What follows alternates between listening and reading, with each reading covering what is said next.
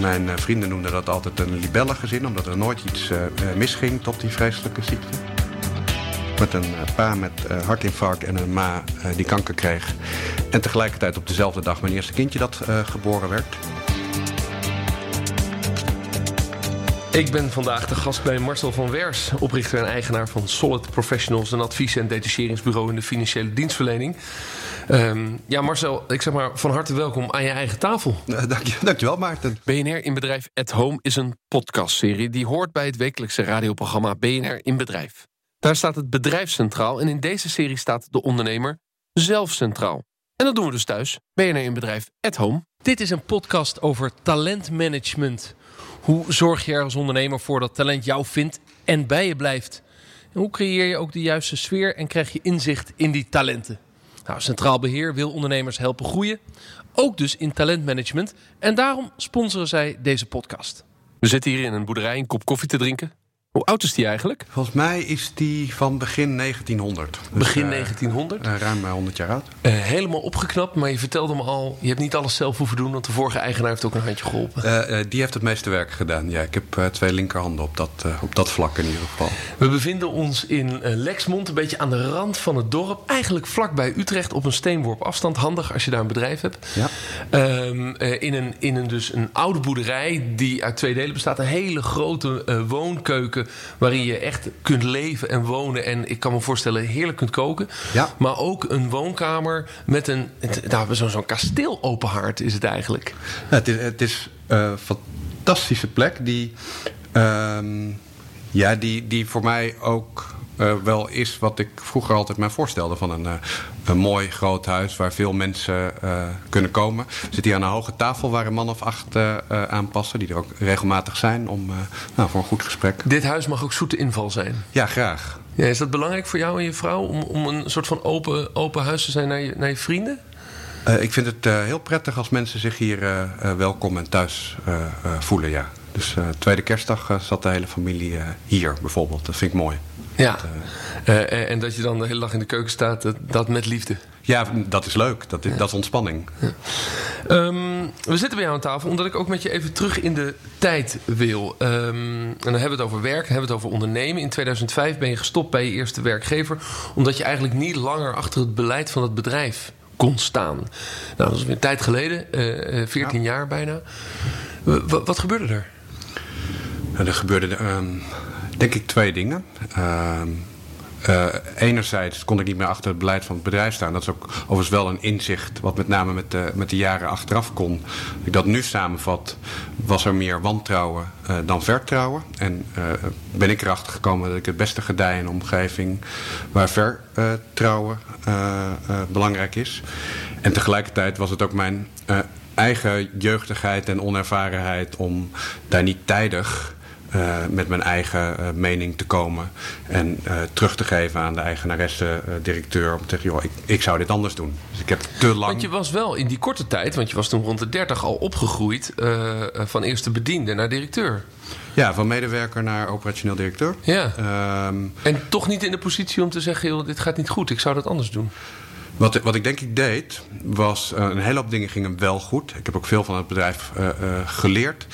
Uh, hoe ze, zeker met de, het was een consultancykantoor, dus hoe ze met de consultants uh, in het veld omgingen was goed. Waar, waar ik niet goed uh, mee om kon gaan was dus het gebrek aan vertrouwen in mijzelf en de controle die daarmee gepaard ging. En ehm, ik, wat ik gewoon ben gaan doen, uh, en dat is een valkuil waar ik wel vaker in gestapt ben in mijn leven tot nu toe, is harder gaan, gaan werken en harder gaan rennen. Om alles wat ik mis zag gaan dan toch maar te corrigeren en het voor iedereen gezellig en uh, goed te houden. Totdat ik nou, gewoon te lang ben doorgegaan. En dan, uh, dan barst de bom. Dus ben ik met een flinke ruzie, heb ik gezegd ik ga wat anders doen. En in de loop der jaren leer je dan dat, omdat leer je, heb ik geleerd, dat ik een beetje van mezelf was weggedreven in alle ambitie en energie. Je bent 28, ik had een goede opleiding, ik kan, ik kan wel iets. Uh, dus door gewoon hard te werken uh, uh, kon je wel zeg maar, die, die, die groei van jongste bediende naar eindverantwoordelijk. Ja, maar uiteindelijk ga je dan toch weg. Um, je, je, bent nu 43, je hebt drie kinderen.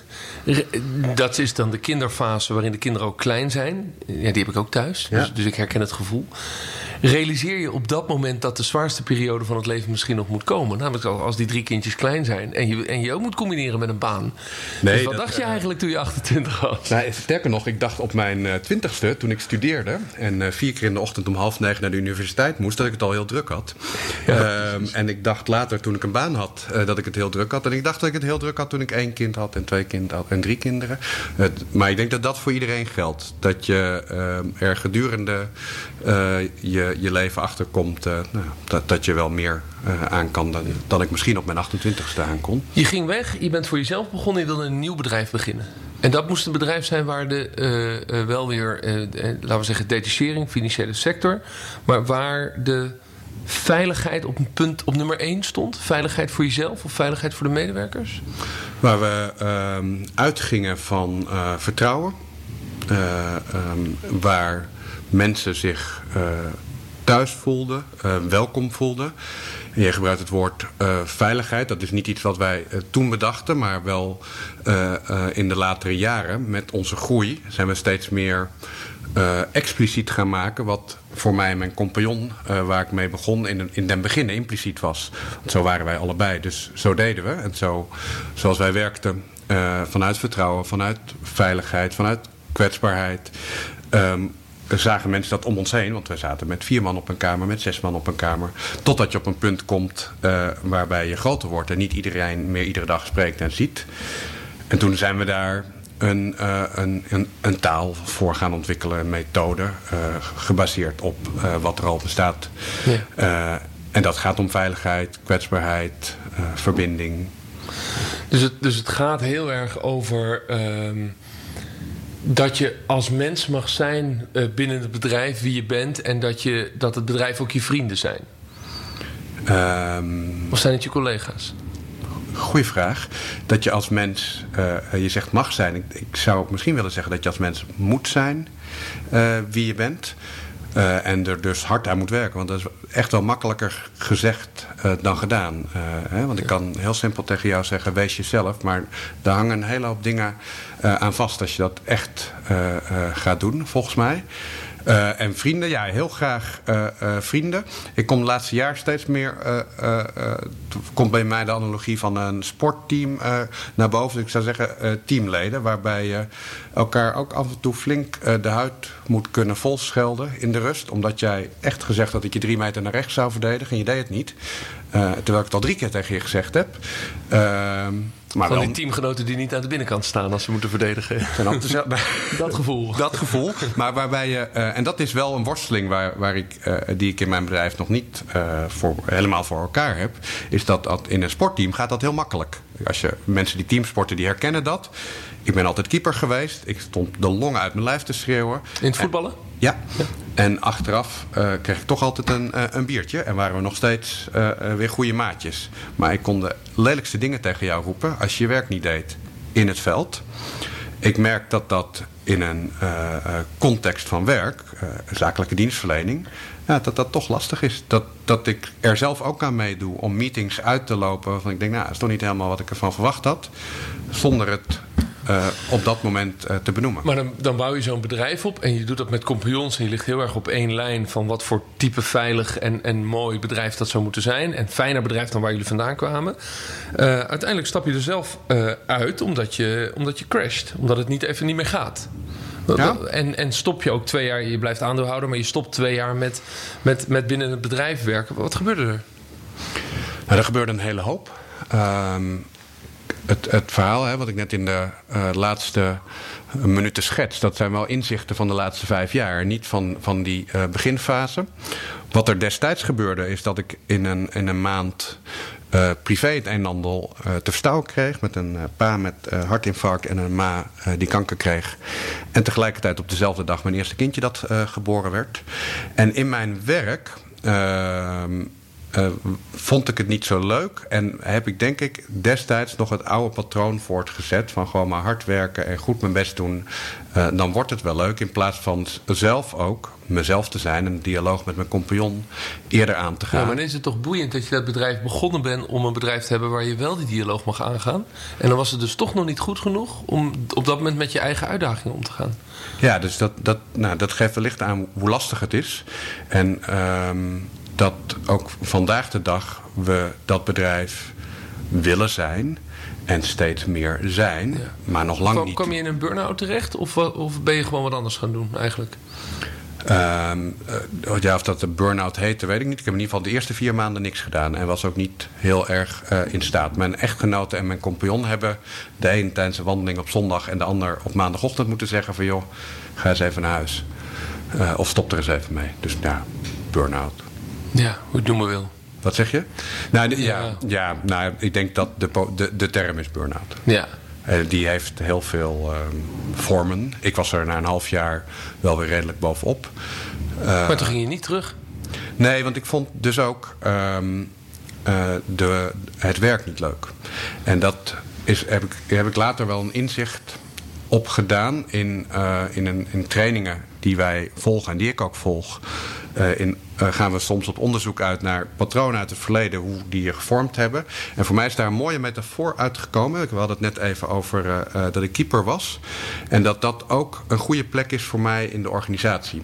Om keeper en aanvoerder. Dus ik hoef niet te scoren. Maar ik, vind, ik wil graag overzicht houden. Ik wil graag andere mensen beter maken, beter op een plek zetten.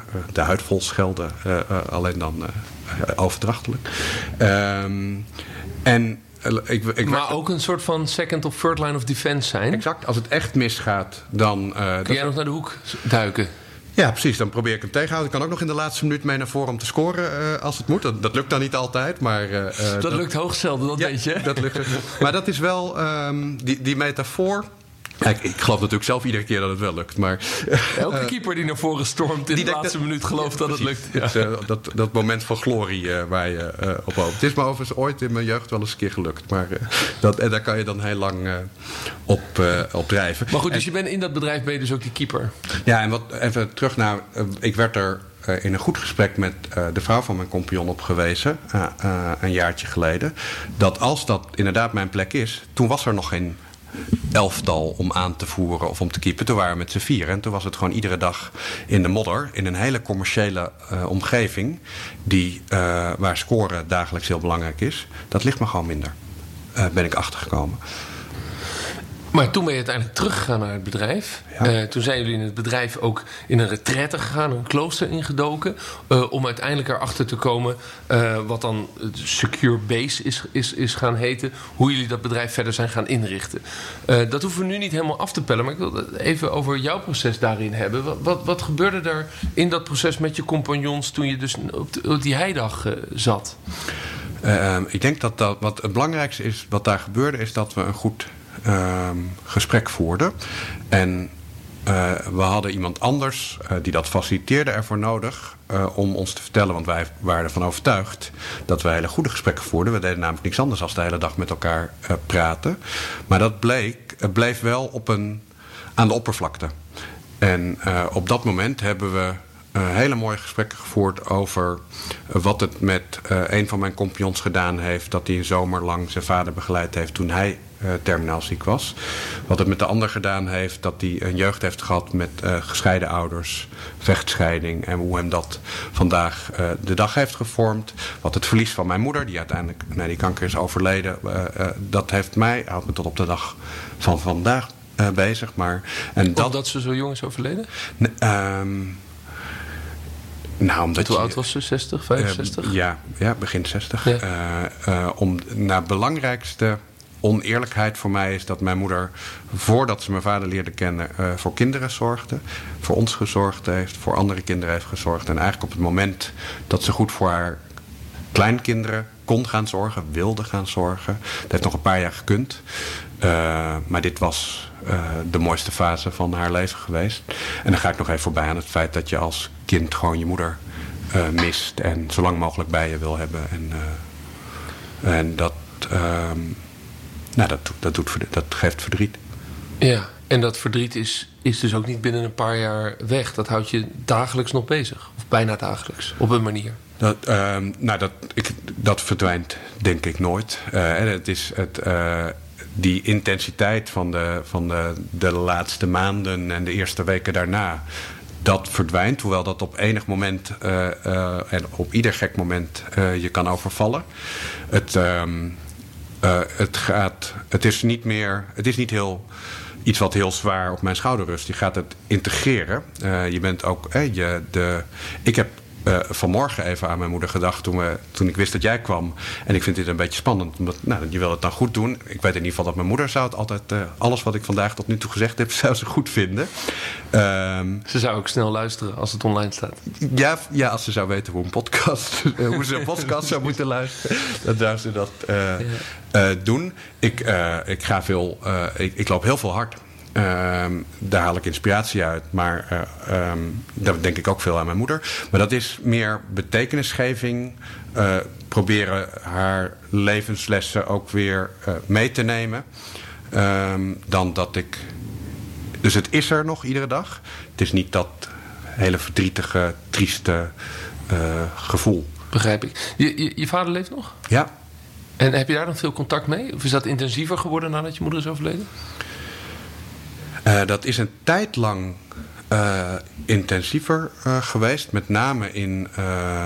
mijn moeder heeft de laatste vier, drie maanden, vier maanden in het ziekenhuis en thuis gelegen. Toen was het heel intens. Het is eigenlijk misschien gek om te zeggen, maar het was een zomer. Ik heb twee broertjes en een vader, dus het was denk ik een van de, de mooiste zomers in, uh, in de avonden gevuld met goede gesprekken en uh, wijn en eten, zoals, zoals wij dat thuis doen. Ehm, het gesprek is, er, denk, is minder frequent, maar wel ehm, betekenisvoller. En ik heb ook, hè, naar aanleiding van de eigen zoektocht die je af en toe hebt in hoe je dingen doet. ik denk dat inmiddels een jaar geleden is mijn vader een keer opgezocht om te ontdekken hoe was het nou bij jou vroeger thuis? Als het gaat om uh, omgaan met emoties, als het gaat om omgaan met je kinderen. Hoe heb jij dat geleerd van jouw vader? En uh, dat geeft dan wel, heeft mij wel weer inzicht gegeven in hoe het bij ons ging en hoe, hoe dat mij dus uh, vandaag de dag maakt. En hoezeer je ziet dat de manier waarop je zelf als vader bent toch wel heel erg lijkt op hoe jouw eigen vader met jou was. Ja, ja. Ja, ja. Ik, ik, herken het. Ook wel verschillen, maar nou, vooral ik, uh, wat, ik, uh, wat mij erg op. Ik ben in een heel warm en liefdevol uh, gezin uh, opgegroeid. Mijn vrienden noemden dat altijd een libellengezin, omdat er nooit iets misging tot die vreselijke ziekte. Um, en dat is ook zo. Wat ook waar is, wat ik me gerealiseerd heb, is dat dat, dat werd nooit uitgesproken. Dus er werd weinig gezegd uh, uh, ik hou van jou of uh, ik ben trots op jou. Omdat dat, nou, dat deden we niet. Het, en het gevoel was helemaal goed, dus ik neem dat niemand kwalijk. het is wel zo dat, dat ik ook geleerd heb om dat af en toe wel tegen je kinderen te zeggen, ook waarde heeft. en bijvoorbeeld in dat gesprek met mijn vader wist ik natuurlijk waar hij vandaan kwam. Maar heb ik, zijn familie komt uit Zuid-Limburg. Mijn opa had daar een goede baan. Maar als, ik weet niet of hij heel veel complimenten thuis uh, kreeg. Dus het is ook waar je vandaan komt, wat je, wat, wat je doorgeeft. En dat, nou, dat heeft me alleen maar meer respect gegeven voor mijn vader als ik zie waar hij vandaan komt.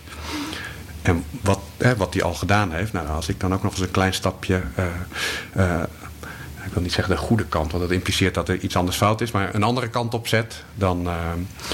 We hebben het hier over omdat jij dus dit, ook dit gesprek hebt gehad met je compagnons. Ja. In die retraite in, in 2014 was het volgens mij.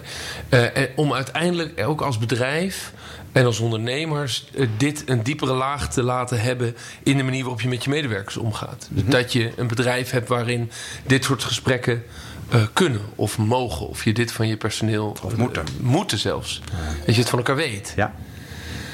Um, en dan was het dus ook nodig om zelf met elkaar die slag te maken. Ja. Jullie kennen elkaar al tien jaar ja. en je had nog nooit deze gesprekken gevoerd. Ik heb uh, in, in die 24 uur dingen besproken en gehoord die ik nog niet wist. Vond je dat gek? Dat je denkt, maar ken elkaar toch zo goed? Ik vond het vooral mooi, denk ik. En uh, ja, gek. Ik denk, ik denk dat, nee, ik vond het denk ik niet gek.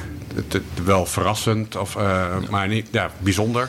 Uh, tegelijkertijd denk ik dat het ehm, in ieder bedrijf meer normaal is dat je dit soort gesprekken niet voert. Of gebruikelijk in ieder geval, dan dat je het wel doet. Dus ja. En jullie willen het wel doen. Hoe heeft het dan jou als, als ondernemer, als mens, zelfs gevormd, weer, weer anders gevormd de afgelopen vier jaar sinds dat je ook ja, dat bedrijf bent gaan inrichten op een manier dat, er, ja, dat dit soort gesprekken makkelijker gevoerd worden tussen collega's en, en tussen directie en collega's? Ja, wat, wat uh, um, het belangrijkste besef hierin is dat je zelf um, een goed voorbeeld hebt te geven. En, en dat is waarom het ook heel lastig is. Want alleen al uh, wat ik vandaag vertel over mijn relatie met mijn vader, dat gaat hij misschien wel horen. Uh, en dat levert misschien weer een nieuw gesprek op. En dat, uh, dat is mooi, maar ook uh, nou, soms moeilijk. Of, uh, en dat is dus ook in, um, in het bouwen van, van zo'n organisatie heb je dus iedere dag weer je, um, je eigen moeilijkheden en angsten en kwetsbaarheden nou, aan te gaan of overheen te stappen. Um, door aan mensen te laten zien. ik vind dit een presentatie voor een groot publiek, iets nieuws doen, een uh, belangrijk krant, vind ik ook spannend. En ik ben ook bang dat ik fouten maak. Ik ben ook bang dat ik op mijn zicht ga. Want vaak met de groei van een bedrijf, ik heet dan partner of directeur. En dat is ook wat mensen van je. Uh, uh, dat is het eerste beeld wat ze hebben. Dus vroeger nam ik iedereen aan. En hadden ze me al drie keer gesproken en kwamen ze naast me zitten. Ja, nu neem ik ze niet altijd meer aan. En komen ze binnen en duurt het misschien tien dagen voordat ik ze spreek. In al die tussentijd ben ik opeens die directeur geworden. Als ik niet laat zien dat ik dat ben, maar ook gewoon een mens en een vader en iemand die hard loopt. Want er werken tegen de 100 mensen nu bij jullie, hè? Uh, 160. 160 al. Ja. De, de, hoe krijg je nou met, met 160 man personeel dan nog dat jij van al die mensen nog een beetje gevoel hebt van wat hun drijft of bezig? Dat kan toch bijna niet? Nee, dat klopt. Uh, overigens, in die 160 zijn er ongeveer 100 die bijna fulltime bij de klant zitten. Dus daar hebben we een iets andere band mee. Ook ja. omdat die uh, in een soort uh, Young Professional programma het doel hebben om uiteindelijk bij de klant in dienst te treden. Dus een stuk of 60 echt op kantoor zitten. Exact. Ja. Um, nou, dat lukt niet meer om zeg maar, diezelfde diepgang die je hebt als je met z'n tweeën hebt, voor mij persoonlijk. Maar wat je dus te doen hebt, is het goede voorbeeld te geven als partners. En dit gedachtegoed of deze manier, deze cultuur, uh, mee te geven aan zeg maar, ja, nieuwe leiders. Ja. en aan iedereen te laten zien. Want het is wel zo, als ik in een gesprek gisteren nog met een collega even terugkom, omdat ik weet dat het thuis even niet zo soepel loopt, hoe dat gaat, dan leert zij wel uh, uh, dat dat dus mag. En dat die aandacht er is. En dat zij in haar team uh, dat ook te dus doen je, heeft. Je, je, je, uitdaging is toch om dat te weten van de collega's... en er ook naar te durven vragen en er niet ja. omheen te lopen. Ja. Hoe gaat het nu thuis echt? Ja. Zulke echt. gesprekken gebeuren bij jullie bijna wekelijks. Gisteren nog. Gisteren nog. Ben je een andere vader geworden? Terug naar dit huishouden waar we zitten? Want dit was in 2014, dus je had daarvoor kinderen. Je hebt nu ja. kinderen, is goed. De kinderen zijn ook ouder geworden, dat verandert ook. Maar vind je jezelf ook, ook thuis veranderd? Ik hoop het. Maar ik vind ook dat ik daar nog wel echt uh, uh, stappen uh, te zetten heb. En ik heb ik, mijn maatstaf is, um, en dat gaat nog niet altijd goed, is als ik hier eten sta te koken om zes uur. En bij instrumenteel doe ik het in die zin denk ik wel aardig, want ik ben redelijk op tijd thuis en ik ben er s ochtends. Ehm, maar ik merk dat als ik gisteravond aan het koken... Uh, heb ik gisteravond niet gekookt. Maar in ieder geval, als ik aan het koken ben... dan zou ik dus heel erg met uh, deze opname bezig kunnen zijn... en sneller uh, geïrriteerd of geen aandacht voor ze hebben... of accepteren dat ze op hun iPad of whatever zitten. En dat wil ik nog beter kunnen. Dus mijn werk er echt even zijn op het moment dat je er wil zijn. Wat ik denk ik zeker beter doe. Ik heb in die definitie van ik wil keeper en aanvoerder zijn, heb ik gezegd ik wil binnen mijn bedrijf uh, inspirerend leiderschap tonen. Ook zo'n grote term waar ik al moeilijk vind om uh, uh, te zeggen. En ik wil betere vader en echtgenoot zijn. En dat voor mijzelf uitspreken zorgt er wel voor dat het makkelijker is om keuzes te maken. Dus toen een tijdje geleden mijn vrouw een, een, uitslag kreeg in het ziekenhuis. Uh, die allemaal goed was, maar besluit ik zonder, toch, span, toch spannend. Ja. zonder na te denken, nou wel met nadenken, maar besluit ik dus bewust om daarheen te gaan. En wat er ook op werk is, te laten gaan. In de tijd dat mijn moeder ehm, terminaal was, heb ik in die twee, drie maanden ben ik af en toe op kantoor geweest. Maar heb ik zelf de keuze genomen, mij ook gesteund gevoeld door compagnons en organisatie, dat dat die drie, vier maanden even het belangrijkste was wat ik te doen had in mijn leven. Ja. Ehm, dus ik misschien is een betere stelling dat ik probeer een betere vader uh, ja, te zijn. Nou, als ik naar de. Uh, het is hier nu rustig, want de kinderen zitten op school en uh, je vrouw is waarschijnlijk ook aan het werk. Maar de, de, het gevoel wat ik hier heb, is, is dat het volgens mij een heel vredig huishouden is, als ik zo meekijk. Maar ik herken het wel. En de vraag is ook of het, of het altijd kan. Of het niet soms een beetje mag om die dubbele aandacht soms te hebben omdat het nogal wat vraagt van onze hersenen om dat voortdurend te scheiden. Dus je, je denkt de hele dag nou over werk, je hebt spanning, je hebt afspraken, er moet van alles. Dan kom je thuis, dan ga je koken. En dan moet dat in één keer weg zijn om in zen met kleine kinderen te communiceren. Wat een. Ja, nee, die schakeling is ook enorm. Dus, dus uh, vind je jezelf ook wel eens te hard naar jezelf toe? Te streng naar jezelf? Ja, mogelijk wel. Te, ik doe het graag uh, goed. Uh, voor eh, eh, eh, voor mezelf, maar ook voor anderen. Dus dat is zo. En ik ben het helemaal met je eens. Kijk, wat mijn kinderen ook leren als ik een keer uit mijn slof schiet, is ja, dat, dat, dat de wereld en het, het leven, het gaat niet allemaal vanzelf. En soms zijn er mensen die onaardig tegen je doen, die het in mijn volle overtuiging overigens meestal niet zijn, maar dan met iets anders even bezig zijn, waardoor ze onaardig overkomen of zich onaardig gedragen. Uh, maar ik ben het helemaal met je eens. Dit, dit is een soort streven.